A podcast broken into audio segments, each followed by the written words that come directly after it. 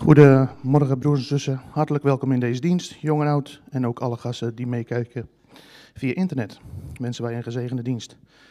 In deze dienst gaat onze eigen predikant Ronald Elzinga voor en in de middagdienst dominee Poortinga van de GKW Den Bosch. Volgende week zal in de ochtenddienst dominee Ronald Elzinga voorgaan. Aanstaande donderdag, 26 mei, Hemelvaartsdag, zal er weer een buitendienst worden gehouden. In verband met het vele werk dat het met zich meebrengt, zal deze dienst om 10 uur beginnen. U bent dus van harte welkom om 10 uur bij familie De Kraker aan het Steurgat in Werkendam. Deze dienst is niet via YouTube te volgen. De overige diensten uiteraard wel.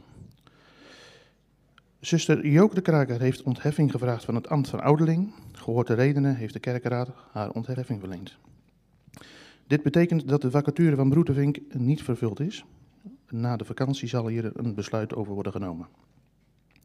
Broeder Herman Vreugdehil en zuster Merel van Helden zullen in de ochtenddienst op 29 mei bevestigd worden in het ambt van een respectievelijk ouderling en diaken. Na de dienst is het dan koffiedrinken in plaats van 5 juni. De collectes zijn voor de kerk, de tweede is voor Stichting Romario en de derde collecte is voor de zending. En volgende week is de tweede collecte voor de hoop. Namens de kerkenraad wensen we u een gezegende dienst.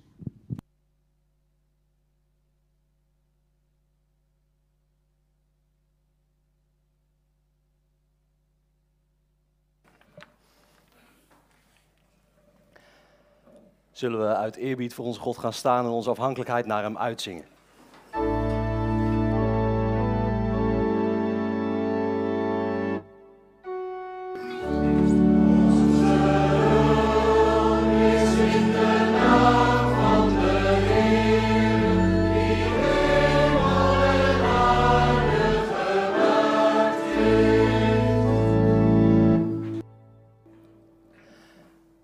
Genade is er voor jullie en vrede van God onze Vader door onze Heer Jezus Christus in de eenheid met de Heilige Geest.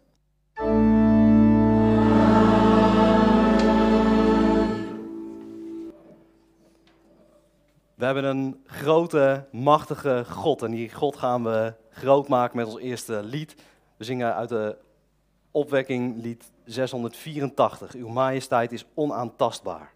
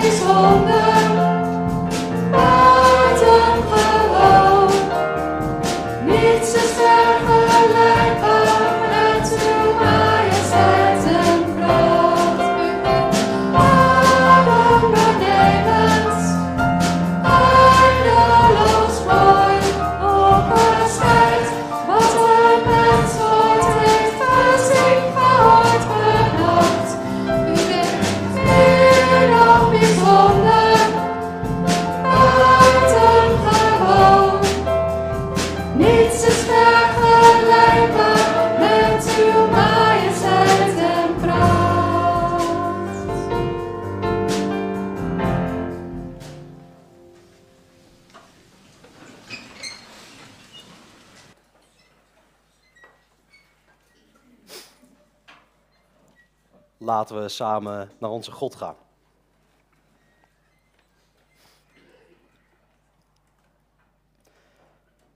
Trouwe God, onze Vader in de hemel. Heer, we komen ook vanmorgen weer bij u. En we komen u prijzen om wie u bent. Dat u ons hier samenbrengt. Dat u de God van hemel en aarde bent die we in alles kunnen vertrouwen. Dat u de almachtige God bent die zich aan ons bekend wil maken door uw woord, door uw geest. Heer, wat is dat groots en we zijn u daar dankbaar voor dat u dat zo doet. Heer, wilt u ons de oren openen, wilt u ons hart openen, zodat we dat ook verstaan. Dat we op u gericht zijn deze dienst, op de ontmoeting met u. Dat we ernaar verlangen om hier in uw aanwezigheid te zijn en dat ook samen te doen. Dat we hier niet alleen maar voor onszelf zitten, maar ook voor elkaar. Vader, we zijn in ons leven zo gemakkelijk gericht op onszelf. Heer, en dat beleiden we voor u. We beleiden dat we schuldig staan tegenover u. Heer, we, we, willen, we willen zo graag dat ons leven volmaakt is. Dat we volmaakt voor u en met u kunnen leven. En tegelijk moeten we erkennen dat dat nog zo ver weg, weg lijkt. Heer, wilt u ons door onze aanbidding van u, door de verkondiging van uw woord, wilt u ons daardoor vormen? Wilt u ons voor de komende week weer moed geven, kracht geven om met u te leven en in liefde met onze naasten om te gaan? Vader, zo komen we vanmorgen aan het begin van deze dienst bij u. En we weten dat we alles wat we u vragen niet zelf hoeven te verdienen, maar dat we het in de naam van uw Zoon Jezus Christus mogen vragen. Omdat Hij met zijn bloed voor ons betaald heeft. Dat Hij de weg naar u heeft vrijgemaakt. Heer, daarom bidden we u uit genade alleen. Amen.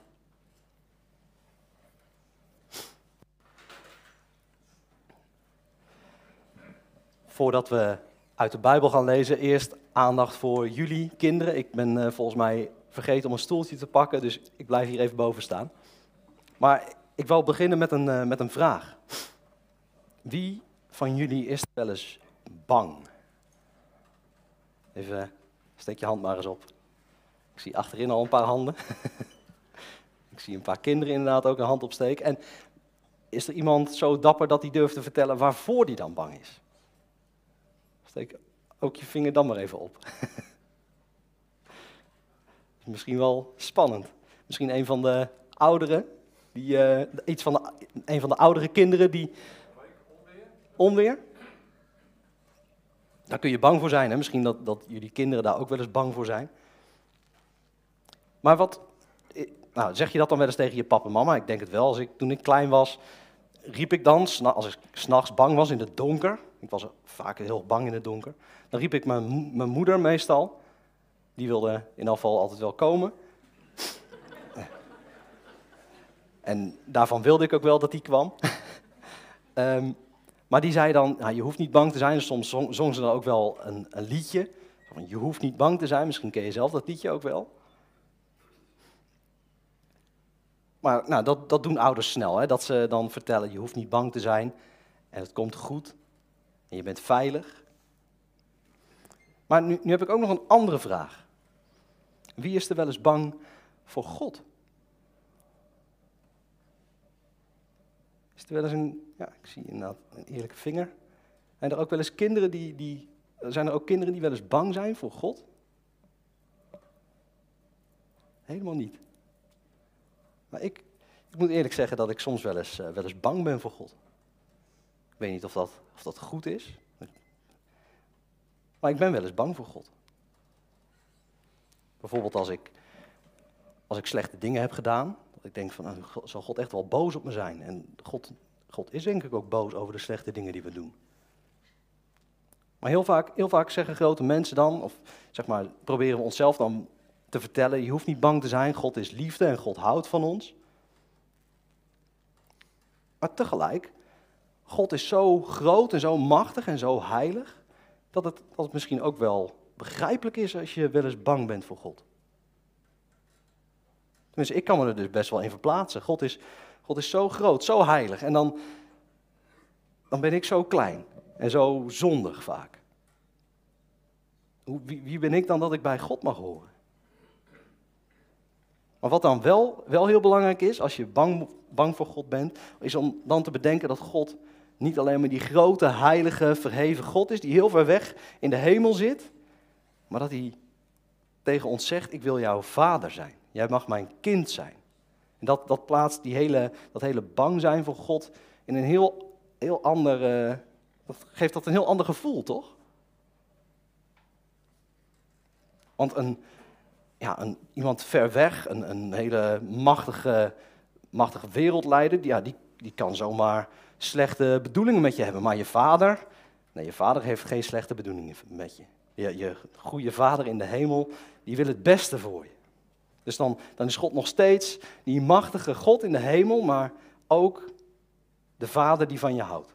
En van die machtige grote God gaan we nu met elkaar zingen en tijdens de preek gaat het daar ook over. We gaan met elkaar uit, op toonhoogte zingen, lied 549. U bent machtig, u bent groot.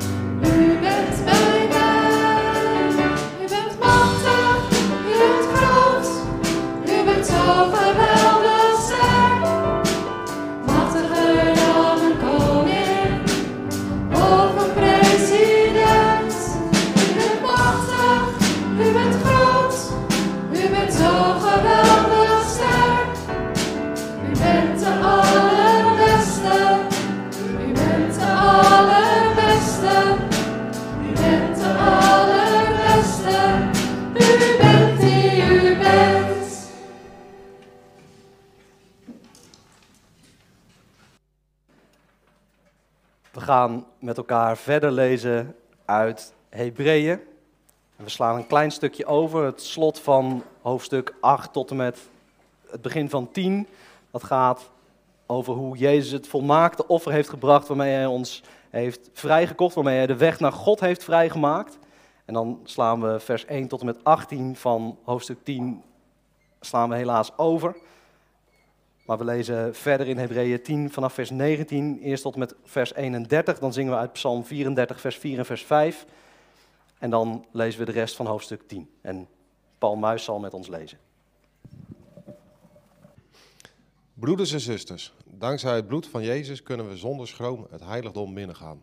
Het heeft voor ons met zijn lichaam, hij heeft voor ons met zijn lichaam door het voorhangsel heen een nieuwe levende weg gebouwd. En doet nu als hoge priester dienst in het huis van God. Laten we God dan naderen met oprecht hart en een vast geloof, nu ons geweten gereinigd is door, het door de besprenkeling van ons hart. En ons lichaam met zuiver water is gewassen. Laten we zonder te wankelen datgene blijven beleiden waarop we hopen. Want hij die de belofte heeft gedaan is trouw. Laten we op elkaar letten en elkaar aansporen tot liefde en goede daden. En in plaats van weg te blijven van onze samenkomsten zoals sommigen doen, elkaar juist bemoedigen. En dat des te meer naarmate u de dag van zijn komst ziet naderen. Wanneer we willens en wetens blijven zondigen nadat we de waarheid hebben leren kennen, is er geen enkel offer voor de zonde meer mogelijk. En kunnen we niet anders dan huiverend wachten op het oordeel en het vuur dat de tegenstanders gretig, gretig zal verslinden. Voor wie de wet van Mozes naast zich neerlegt, is er geen pardon. Wanneer het tenminste twee een verklaring tegen hem afleggen, moet hij sterven. Hoeveel zwaarder zal dan de straf niet zijn, denkt u, voor wie de Zoon van God vertrapt? Het bloed van het verbond ontheiligt, terwijl hij erdoor geheiligd is. En de geest van de genade veracht. We kennen immers degene die gezegd heeft, het is aan mij om wraak te nemen en ik zal vergelden. En ook de Heer zal oordelen over zijn volk. Huiveringwekkend is het te vallen in de handen van de levende God.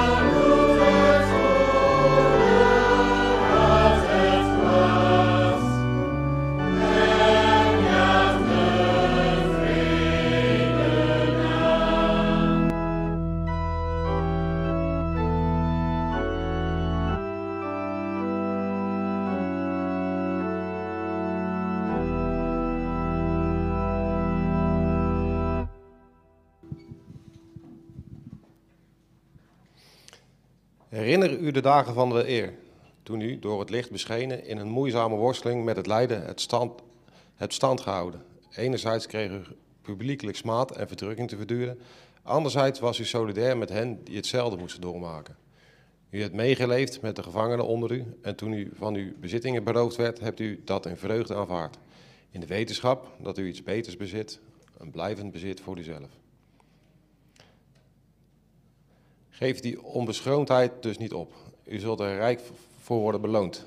Blijf juist volharden, want, u, want als u de wil van God doet, zult u ontvangen wat u, beloofd, wat u beloofd is. Immers, nog een hele korte tijd, dan komt hij die komen zal. Hij blijft niet lang meer weg. En dan zullen mijn rechtvaardigen leven door hun geloof. Maar ook wie terugdeinst, ben ik niet langer welgezind. Wij echter behoren niet tot degenen die terugdeinzen en ten onder gaan, maar tot hen die door hun geloof behouden blijven.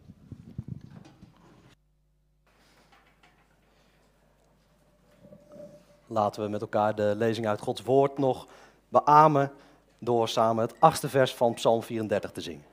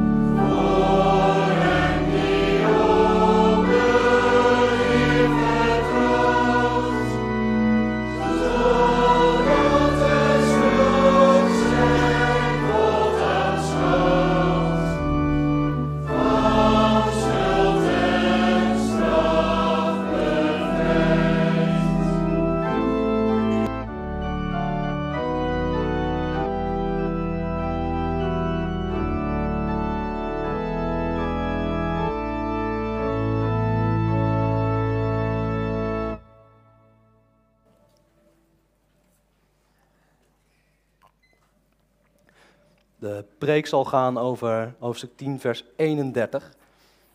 Huiveringwekkend is het te vallen in de handen van de levende God.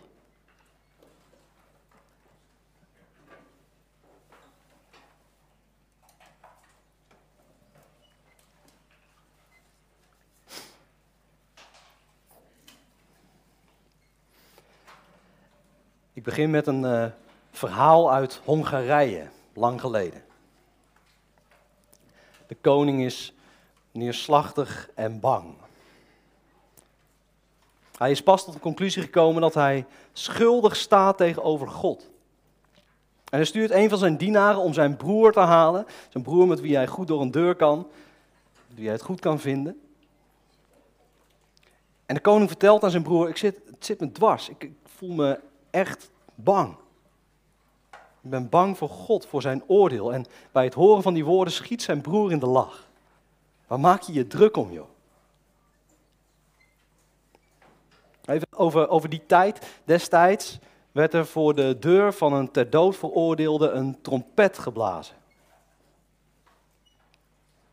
Bij het horen van die trompet wist degene die daar in de buurt woonde dat er iemand ter dood was veroordeeld. Dus mensen trokken dan snel hun kleren aan en gingen naar buiten om te kijken wat er aan de hand was.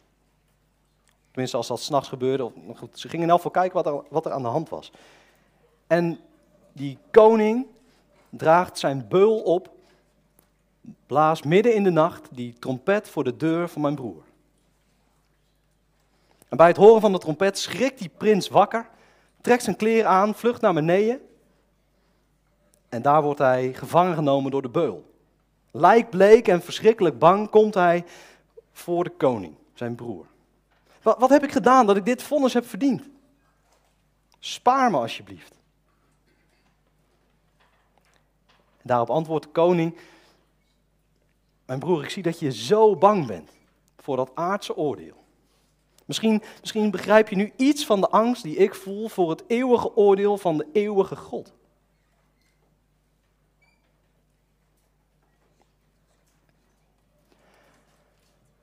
Broers en zussen, broertjes en zussen, mensen die God lief heeft. Ja, bang zijn voor God. Is dat nodig? Twee weken geleden hebben we het er nog over gehad dat er na het kruis van Jezus Christus geen weegschaal meer staat. Dat er geen wegingsmoment meer plaatsvindt van onze goede en slechte daden, maar dat we in het bloed van Jezus Christus bij God mogen horen, uit genade. En toch, toch wint Hebreeën er hier absoluut geen doekjes om. Huiveringwekkend is het om te vallen in de handen van de levende God. En natuurlijk kun je dan heel snel denken, ja dat is huiveringwekkend als je Jezus Christus niet kent. Als je niet in God gelooft. Maar is dat niet ook, ook een beetje te makkelijk en een beetje te snel? We hebben een allerheiligste en almachtige God. Een God die ook in de Bijbel duidelijk laat merken dat hij boos is om de zonde. De zonde in de wereld en ook de zonde in jouw en mijn leven. Boos omdat dat dwars tegen zijn heilige bedoeling met de wereld indruist. En daarom legt de Hebreeën schrijver er een vinger bij. We hebben een gevaarlijke God. Denk niet te gemakkelijk over hem. Ja, hij vergeeft zonde om het bloed van zijn zoon Jezus Christus. Maar hij straft de zonde ook.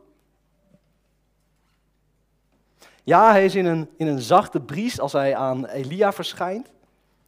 Maar hij is ook een verterend vuur, zegt hij. Ja, hij is het, het lam van de wereld dat de zonde wegneemt. Maar hij is ook de leeuw van Juda. Ja, betekent dat dan dat we bang moeten zijn voor God? En, en als we dan bang moeten zijn voor God, hoe, hoe zouden we dan ooit een vader met hem om moeten kunnen gaan?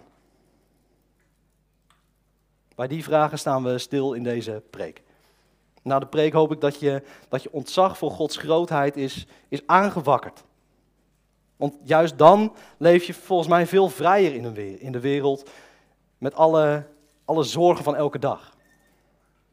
Leef je veel vrijer met de zorgen over werk, over school, over familie, over kerk.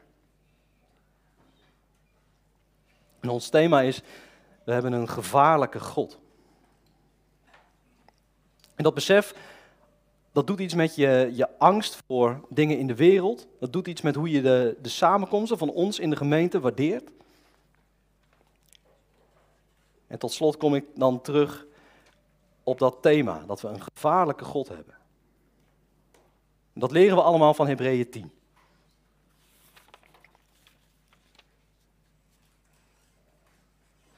Voordat we daar helemaal op ingaan, is het belangrijk om eerst even te, te focussen op die situatie van de Hebreeën. Daar in de eerste eeuw na Christus.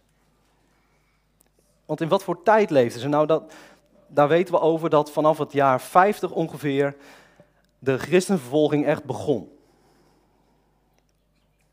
christenvervolging die heel breed was. Tenminste, heel, heel ver uiteenliep. Soms publiekelijke smaad, zoals we ook lezen in Hebreeën 10. Maar we kennen ook de verhalen over keizer Nero.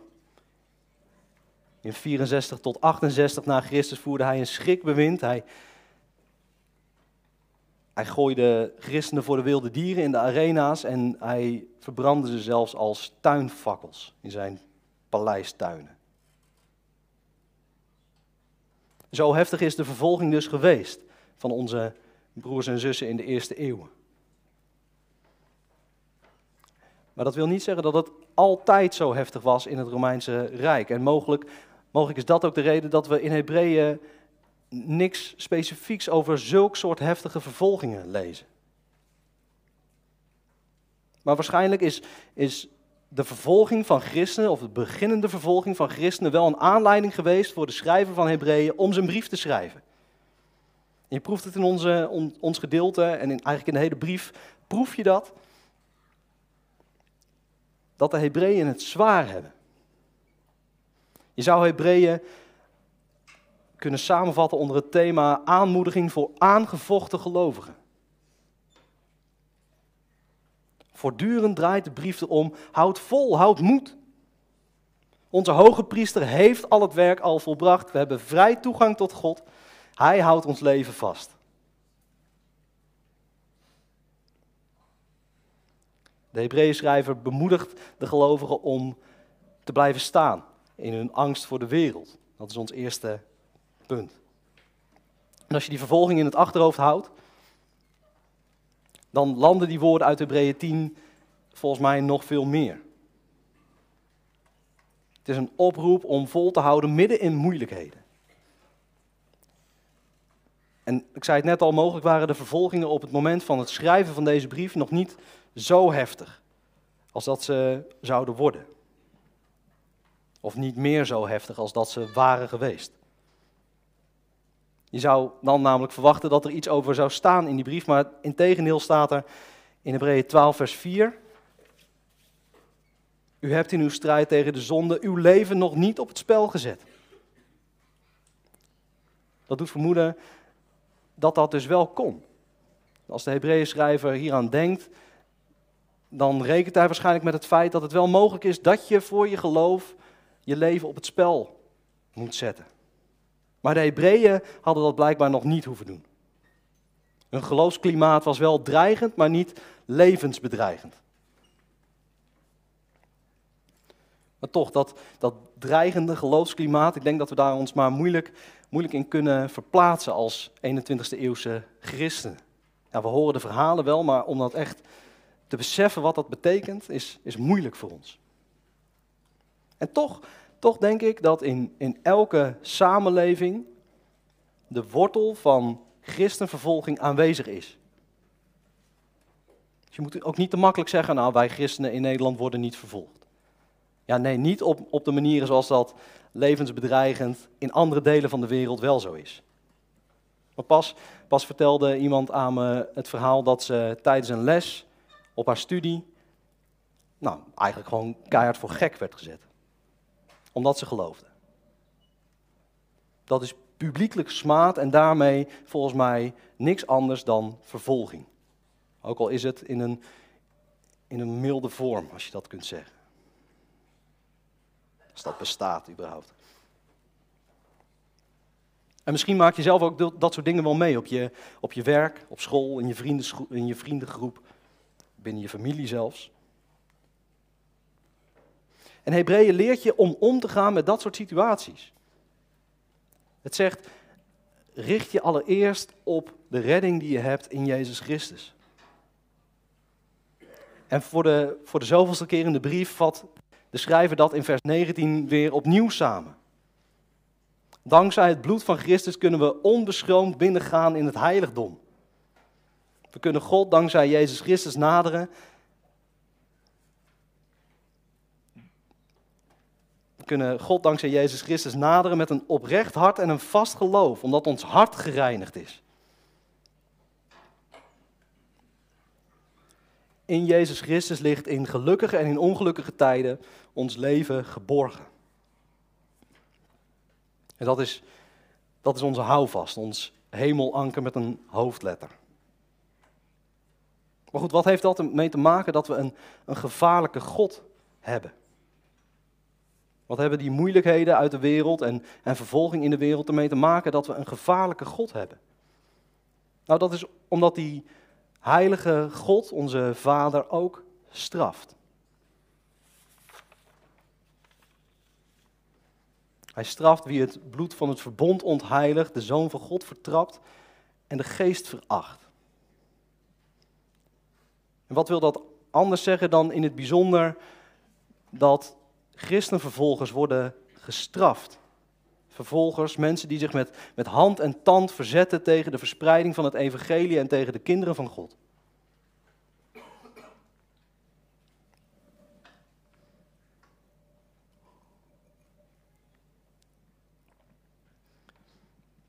En misschien, misschien voel je je er wel wat ongemakkelijk bij als ik daar zo over praat. Dat God straft, dat God oordeelt. Ik denk dat wij het er niet graag over hebben, over dat oordeel van God. Ik denk dat dat allereerst onderstreept hoe rijk gezegend wij als christenen hier in het 21ste eeuwse Nederland zijn.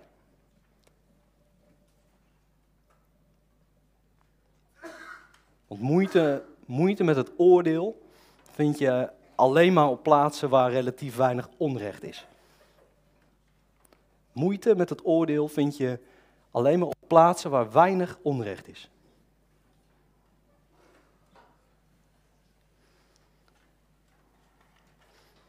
Denk even terug aan dat verhaal waar ik de preek mee begon. Die koning die bang is voor het oordeel van God en zijn broer die bang is voor aardse veroordeling. Als we hier op aarde al, al bang zijn, hoeveel, hoeveel meer zouden we dan niet God vrezen die oordeelt? En dat is niet, niet alleen een boodschap voor ons als christen, maar een boodschap voor ons als wereld. En wanneer je hier op aarde al eer betoont en lief hebt, mensen die, die nog fouten maken, hoeveel meer zullen we God dan niet eer betonen en lief hebben?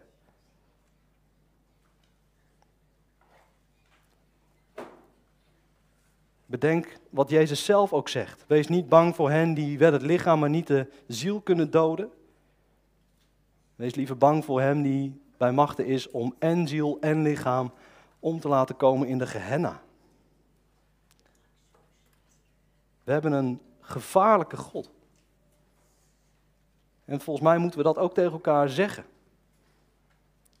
Dat we beseffen hoe groot en heilig onze God is en dus ook gevaarlijk. Want dat leert je om je aardse angst in perspectief te zien. En beseffen hoe gevaarlijk God is, zonder daarbij los te laten dat we gered zijn in Jezus Christus, voorkomt dat je, dat je doodsangst uitstaat. Maar zo leer je ontzag voor God en, en leer je om om te gaan met problemen die je in het leven tegenkomt. En zo leer je ook de samenkomsten van ons als gemeente waarderen.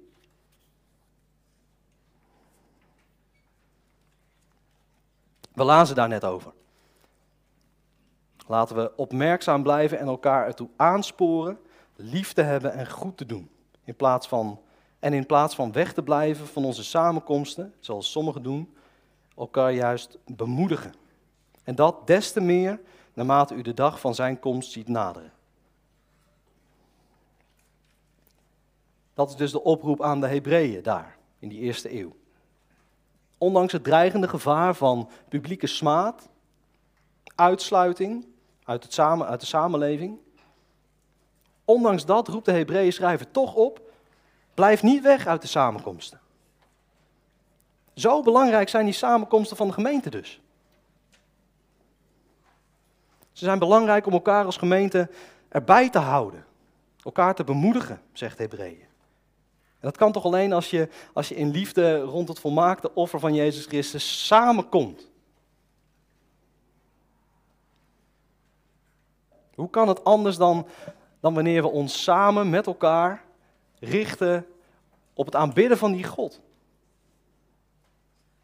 Hoe kan het anders dan met liederen die ons hart raken? Liederen die ons richten op God en op alles wat Hij geeft. Elkaar echt bemoedigen kan alleen maar als we God aanbidden om wie Hij is. Want als je God aanbidt om wie Hij is en onder de indruk komt van Zijn grootsheid, Zijn heiligheid, dan, dan word je daar zelf klein en nederig van. Nederig tegenover God, maar ook nederig tegenover je broers en zussen. En dat hebben we nodig. Nodig om liefdevol en geduldig met elkaar om te kunnen gaan. Nodig om elkaar op te bouwen. En daar, daar zijn de samenkomsten voor bedoeld, zegt de Hebreeën schrijver dus.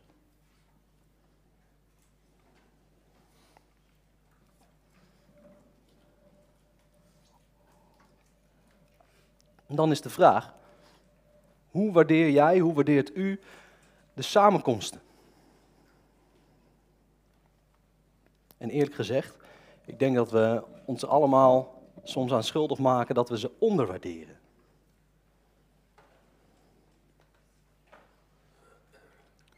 We vinden van alles over losse elementen uit de samenkomst.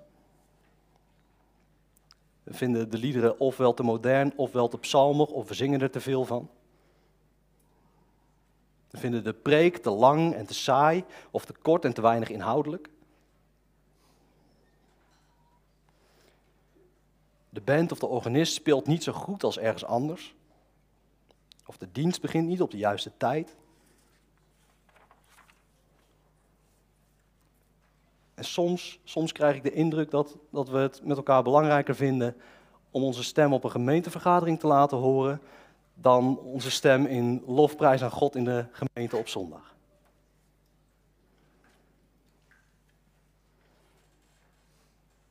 Of je, je kijkt de diensten liever thuis. Dan heb ik minder afleiding. Dan kan ik beter luisteren. Want het gaat toch uiteindelijk om de relatie tussen God en mij in de eredienst.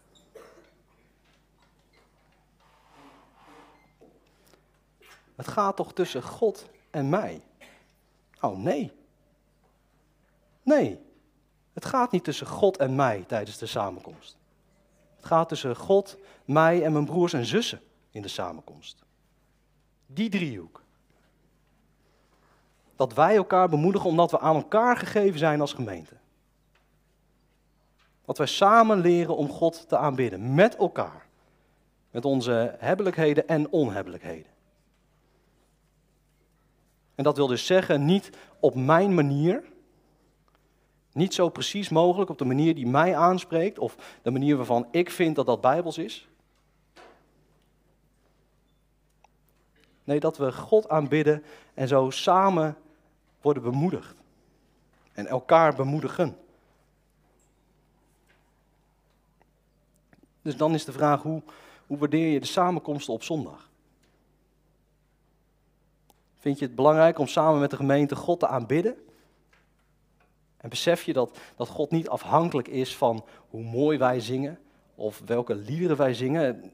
Wat dat betreft zou je het, slot van hoofdstuk, of het begin van hoofdstuk 10 nog eens na moeten lezen.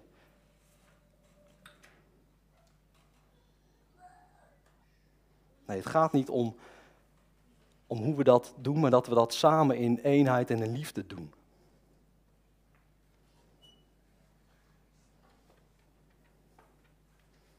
Want het gaat over de vraag, waar ben je op gericht als, als kerk? Of als het gaat over kerk zijn. Ben je gericht op jezelf of op God en de gemeente? Hebreeën laat hier zien de redenen om wel naar de samenkomsten te komen, om niet thuis te blijven, wegen zwaar. Dus waardeer die samenkomsten. Zelfs, zelfs angst voor, voor sociale buitensluiting angst voor vervolging en publieke smaad zijn geen redenen om weg te blijven. Zelfs dat niet. En om het, om het vandaag de dag in perspectief te plaatsen. Onze broers en zussen op andere plaatsen komen met gevaar voor eigen leven samen. En wij, wij hebben de luxe om op allerlei slakken zout te leggen. Maar broers en zussen, we hebben het over de aanbidding van onze Heer en Redder. Zijn bloed, zijn redding, de liefde voor Hem mag ons over drempels heen trekken die we voelen als we het hebben over onze gemeente. Kortom, uit, uit ontzag voor onze God leer je ook, ook de samenkomsten waarin we Hem aanbidden waarderen. Want we hebben een gevaarlijke God.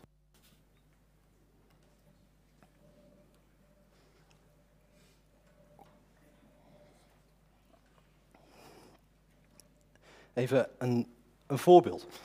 Wie kent de boeken of, of misschien de films van Narnia?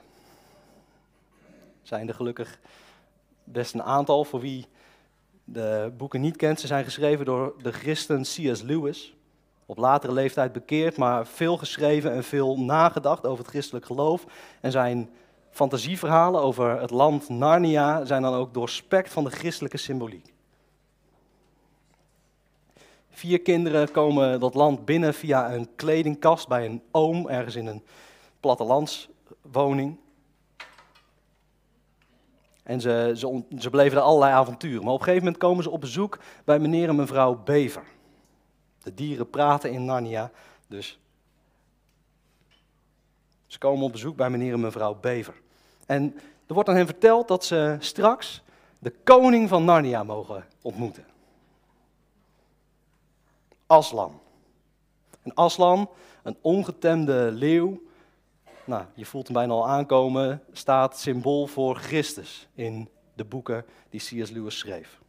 En wanneer een van de kinderen vervolgens ontdekt dat Aslan niet een mens is, maar een leeuw, een ongetemde leeuw, schrikt ze en zegt: Oh, ik dacht dat het een gewoon mens was. Is het dan wel veilig? Ik ben behoorlijk bang om een leeuw te ontmoeten. En terecht, zegt mevrouw Bever.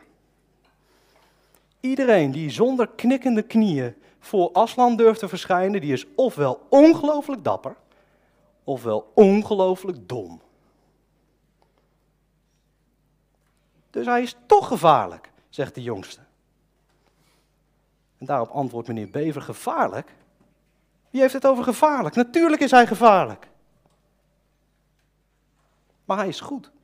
Hij is onze koning.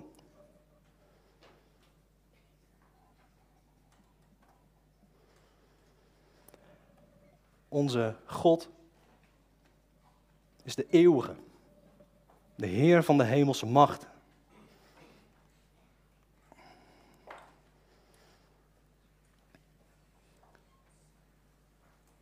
Kijk, wij, wij moeten ons afbeulen om allerlei huizen te bouwen en ons werk te doen. Onze God hoeft het maar te zeggen en het gebeurt. Hij sprak en het was er. Hij gebood en daar stond het. Hij is almachtig, alwetend. Onze levens zijn slechts een, een minuscuul stipje als je het over hem hebt. Meer nog, zeg maar, hij, hij is eeuwig en wij zijn tijdelijk. Onze, onze levensspannen is niet eens in zijn orde van grootheid te plaatsen.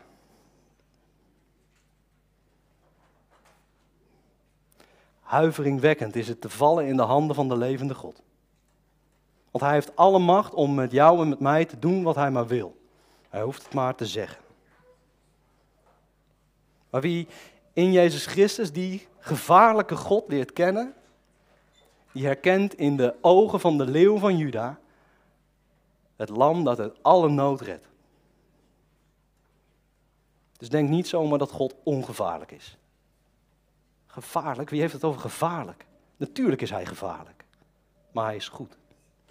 Hij is onze Vader. Amen.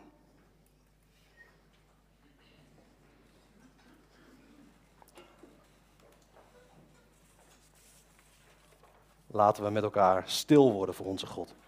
En onze gedachten en gebeden aan Hem voorleggen of stil zijn in Zijn aanwezigheid. Ik sluit die stilte af met een kort gebed en dan zingen we met elkaar opwekking 803.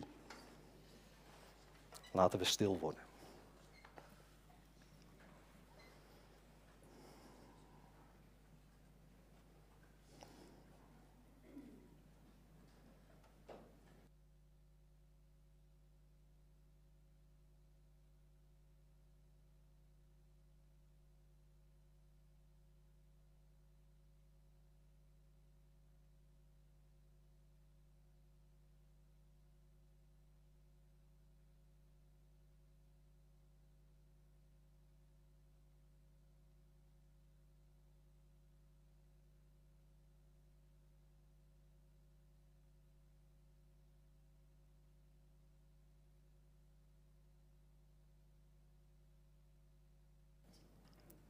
Trouwe God, onze Vader in de hemel. Heer, dank u wel dat u zo'n grote God bent en dat we bij u,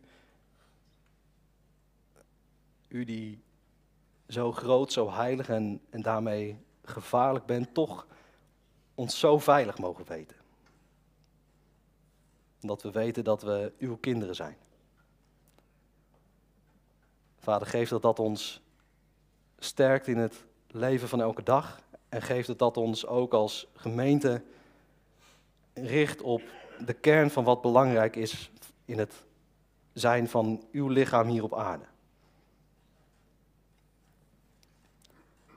Heer, wilt u ons opbouwen door uw geest.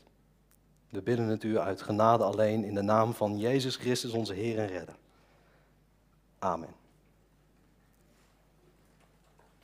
Laten we zingen.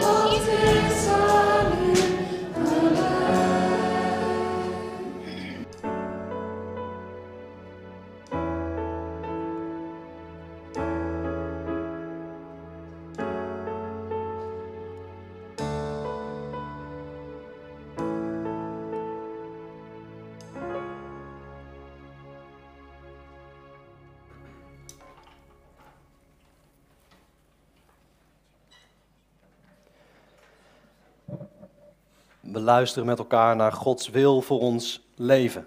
Ik lees die vanmorgen uit Deuteronomium 5.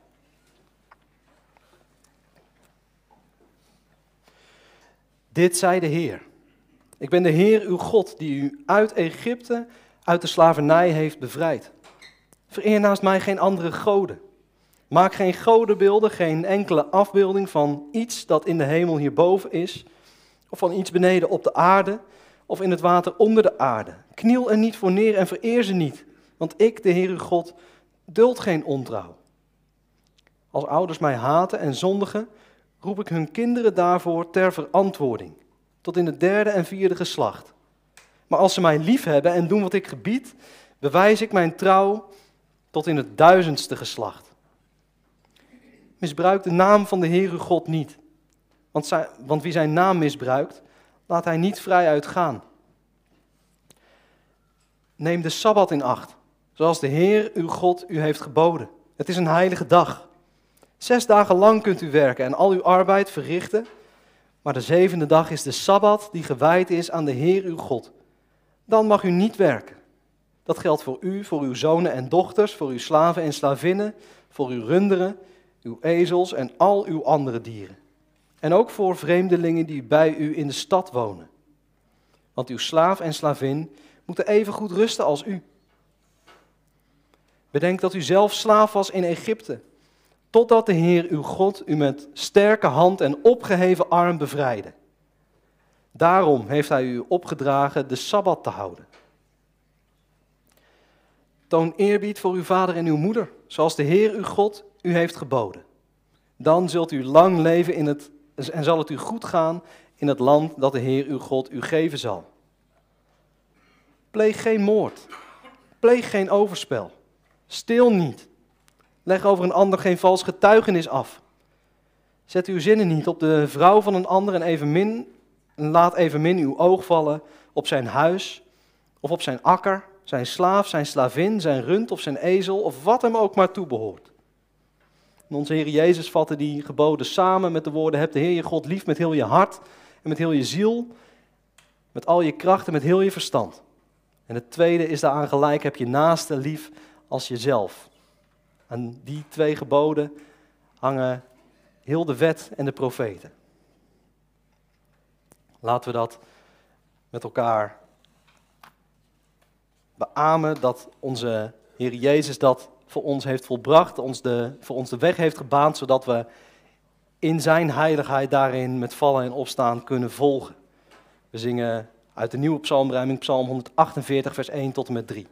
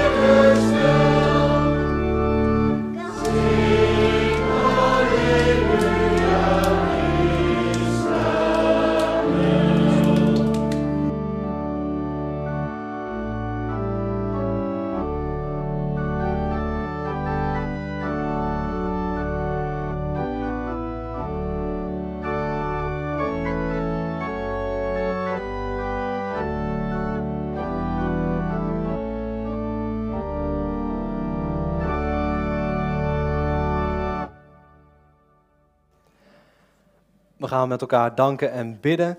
En vorige week hebben we gebeden voor de tante van Mathilde Verschoor, Lia Crezé Verschoor. En afgelopen dinsdag is de tante van Mathilde overleden. De hersenschade na de hartstilstand bleek te groot. We zullen met Mathilde en de verdere nabestaanden bidden. Ik ga u voor.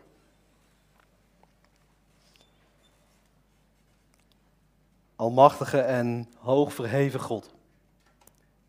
Hier als kleine mensen komen we bij u. Als mensen die van doordrongen zijn dat we spreken met een heilige en hoogverheven God. Heer, dank u wel dat u daaruit de angel van doodsangst wegneemt. Door tegelijk u bekend te maken door uw zoon als onze vader die ons aanneemt. Om niet. Vader, daar worden we stil van. Daarvan komen we onder de indruk van tegelijk uw grote heiligheid en uw liefde. Die liefde die zoveel grenzen overgaat om ons te bereiken. Vader, geef alsjeblieft dat dat landt in ons hart. Dat het ons grijpt. Dat het ons van binnenuit richt op het leven met u. En geef dat we dan niet alleen maar gericht zijn op ons eigen leven met u, maar dat we ons in de kerk ook afvragen, ons in onze gemeente afvragen, wat kan ik doen om een ander te bemoedigen? Wat kom ik brengen? Wat kom ik u brengen? Wat kom ik mijn broers en zussen brengen? Vader, dat kan alleen als u dat door uw geest in ons hart en ons denken werkt. Vader, dat bidden we u dan ook. Wilt u ons helemaal op u richten? Op het leven dat u hebt bedoeld. Op uw nieuwe wereld, uw koninkrijk. Vader, wat verlangen we daarna dat dat eens volmaakt zal komen? Zeker ook aan het begin van deze hemelvaartsweek. Heer, dank u wel dat we het voornemen mogen hebben om komende donderdagmorgen een openluchtdienst te organiseren. Maar vader, we weten dat dat staat of valt met uw zegen.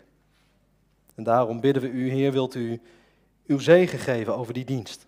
Geef dat het weer meezit.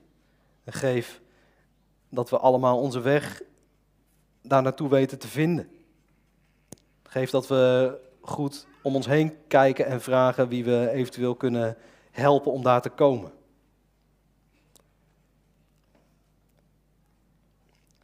Vader, we bidden u voor Mathilde, nu haar tante is overleden. Heer, wat is het verdrietig wanneer iemand zo uit het leven gegrepen wordt. we begrijpen daar zo vaak maar weinig van. Het zet ons stil bij al die andere keren dat we dat hebben meegemaakt. Dat er mensen uit onze levens zijn gegrepen en dat u ze bij u hebt geroepen. Vader, we we troosten ons met het vertrouwen dat wie in geloof sterven bij u in de hemel zijn zodra we hier op aarde onze ogen sluiten. Heer, wat een rijk geloof hebt u ook daarin voorzien. Heer, we bedanken u ook voor alle goede zorgen die er voor Lia Crezé waren in de afgelopen dagen. Heer, wilt u bij Mathilde en ook bij de verdere nabestaanden zijn en wilt u hen troosten met het geloof in u. Trouwe God, we bidden u ook voor ons land. Het land waar zoveel in beweging is, waarin vertrouwen in overheidsinstanties bijna met de week lijkt te dalen. Heer, we bidden u, wilt u geven dat we samen leren om elkaar te vertrouwen en te dienen. Geef dat we manieren vinden om dat vertrouwen ook te wekken in elkaar. Heer, dat bidden we u voor onze overheid, voor onze samenleving, maar net zo goed voor ons als gemeente. Want wat is het moeilijk om elkaar te vertrouwen? Wat kun je daarbij beschadigd raken? Vader, wilt u het dan ons opnieuw leren? Heer, we bidden u voor de vastgelopen opvang van asielzoekers in ons land. Al die stromen asielzoekers die denken dat ze hier een beter leven kunnen krijgen en soms zo hard de deksel op de neus krijgen. Heer, wilt u wijsheid aan bestuurders geven? Wilt u mensen van goede wil geven die weten wat ze doen? En geef dat we zo ook mensen uit andere landen kunnen dienen, kunnen opvangen. Heer, er is ook in onze wereld zoveel gaande. We denken aan het steeds extremer wordende weer. Hier in Europa, maar ook verder in, in andere delen van de wereld. Heer, we willen u bidden of u ons als mensen de wijsheid wil geven om daar goed mee om te gaan. Om te doen wat we kunnen en waartoe u ons ook roept om te zorgen voor uw wereld. Vader, we bidden u voor waar corona nog altijd woedt. Je wilt u mensen beschermen, kwetsbare, eenzame. Vader, we, we bidden u ook in het bijzonder voor de honger in, de, in het oosten van Afrika, waar we zo'n lange tijd weinig over hebben gehoord, omdat het nieuws door andere dingen werd beheerst. Heer, wilt u ook daarvoor uitkomst geven? Geef dat de juiste mensen de ogen open gaan, zodat we iets kunnen betekenen voor de mensen daar. Vader, zo bidden we u en ook alle dingen die spelen in ons leven en in onze wereld leggen we voor u neer in de wetenschap dat u ze kent. Nog veel beter dan dat wij ze kennen. Heer, we vertrouwen erop dat u het hele wereldgebeuren in de hand houdt. En in dat vertrouwen kunnen we het naar u uitspreken en het bij u laten. Heer, zo bidden we u uit genade alleen in Jezus' naam. Amen.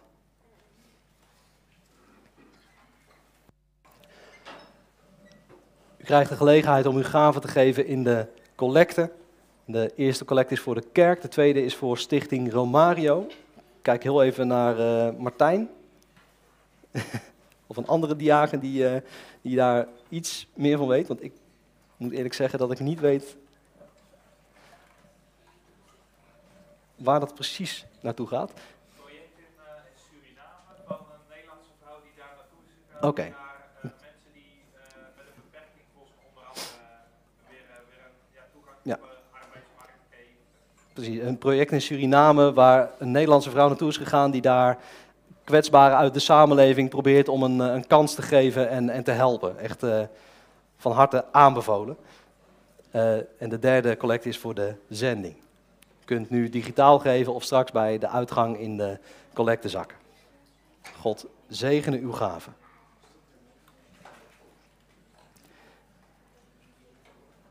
Laten we met elkaar nu ook ons laatste lied zingen. We zingen lied 412, vers 1 tot en met 3. Wij loven u, o God, beleiden u als Heer. Zullen we dat voor zover mogelijk staan doen?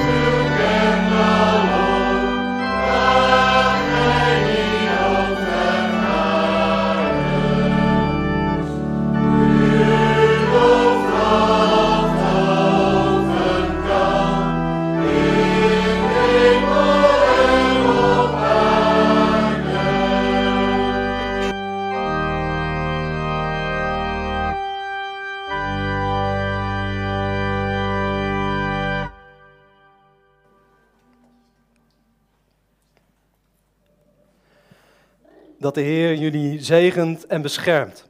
Dat de Heer het licht van zijn gezicht over jullie laat schijnen en jullie genadig is. Dat de Heer jullie zijn gezicht toekeert en jullie vrede geeft.